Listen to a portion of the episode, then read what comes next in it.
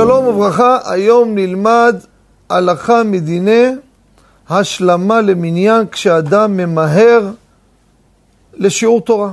אדם בערב יוצא, הוא בדרך לשיעור הקבוע שלו, או ללמוד או ללמד, ופתאום מישהו אומר לו, תקשיב, אתה עשירי.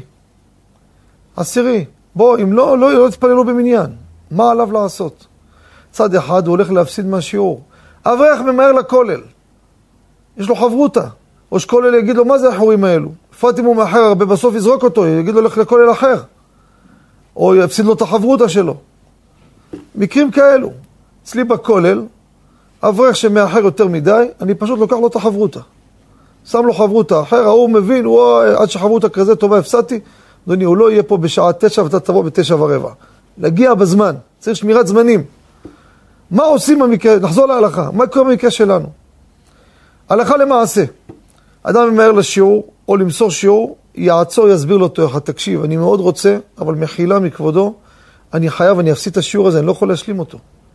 זה לא לימוד שאני יכול ללמוד לבד. אם אני יכול ללמוד לבד, אני אכנס פה ואני אלמד את הלימוד שלי, זה בסדר. אם זה לא הרמה הזאת, לא המצב הזה, אני לא יכול. עוד ציבור מחכה לי. יגיד לו, אני לא מקובל עליי, אין בזה חילול השם, אל תייחס אליו. כל זה, כשהמניין הזה לא ייפול. אם חלילה המניין הזה ייפול, מה זה ייפול? יתפרק, יותר לא יהיה פה מניין. לא יהיה פה מניין, נזק הוא, לא צריך להאריך כרגע. מניין שנסגר, זה, זה נזק במסורת שכל הסובבים לא פשוט. מקרה כזה, תוותר ותשב איתם. אבל אם אתה מוסר לרבים והרבים ילכו, אז מה לי זה, מה לי זה, לך לשיעור וזהו. אבל אם אתה כלומד פרטי, תשב איתם ואל תלך ללימוד שלך, תלמד איפה שהם נמצאים. תודה רבה וכל טוב.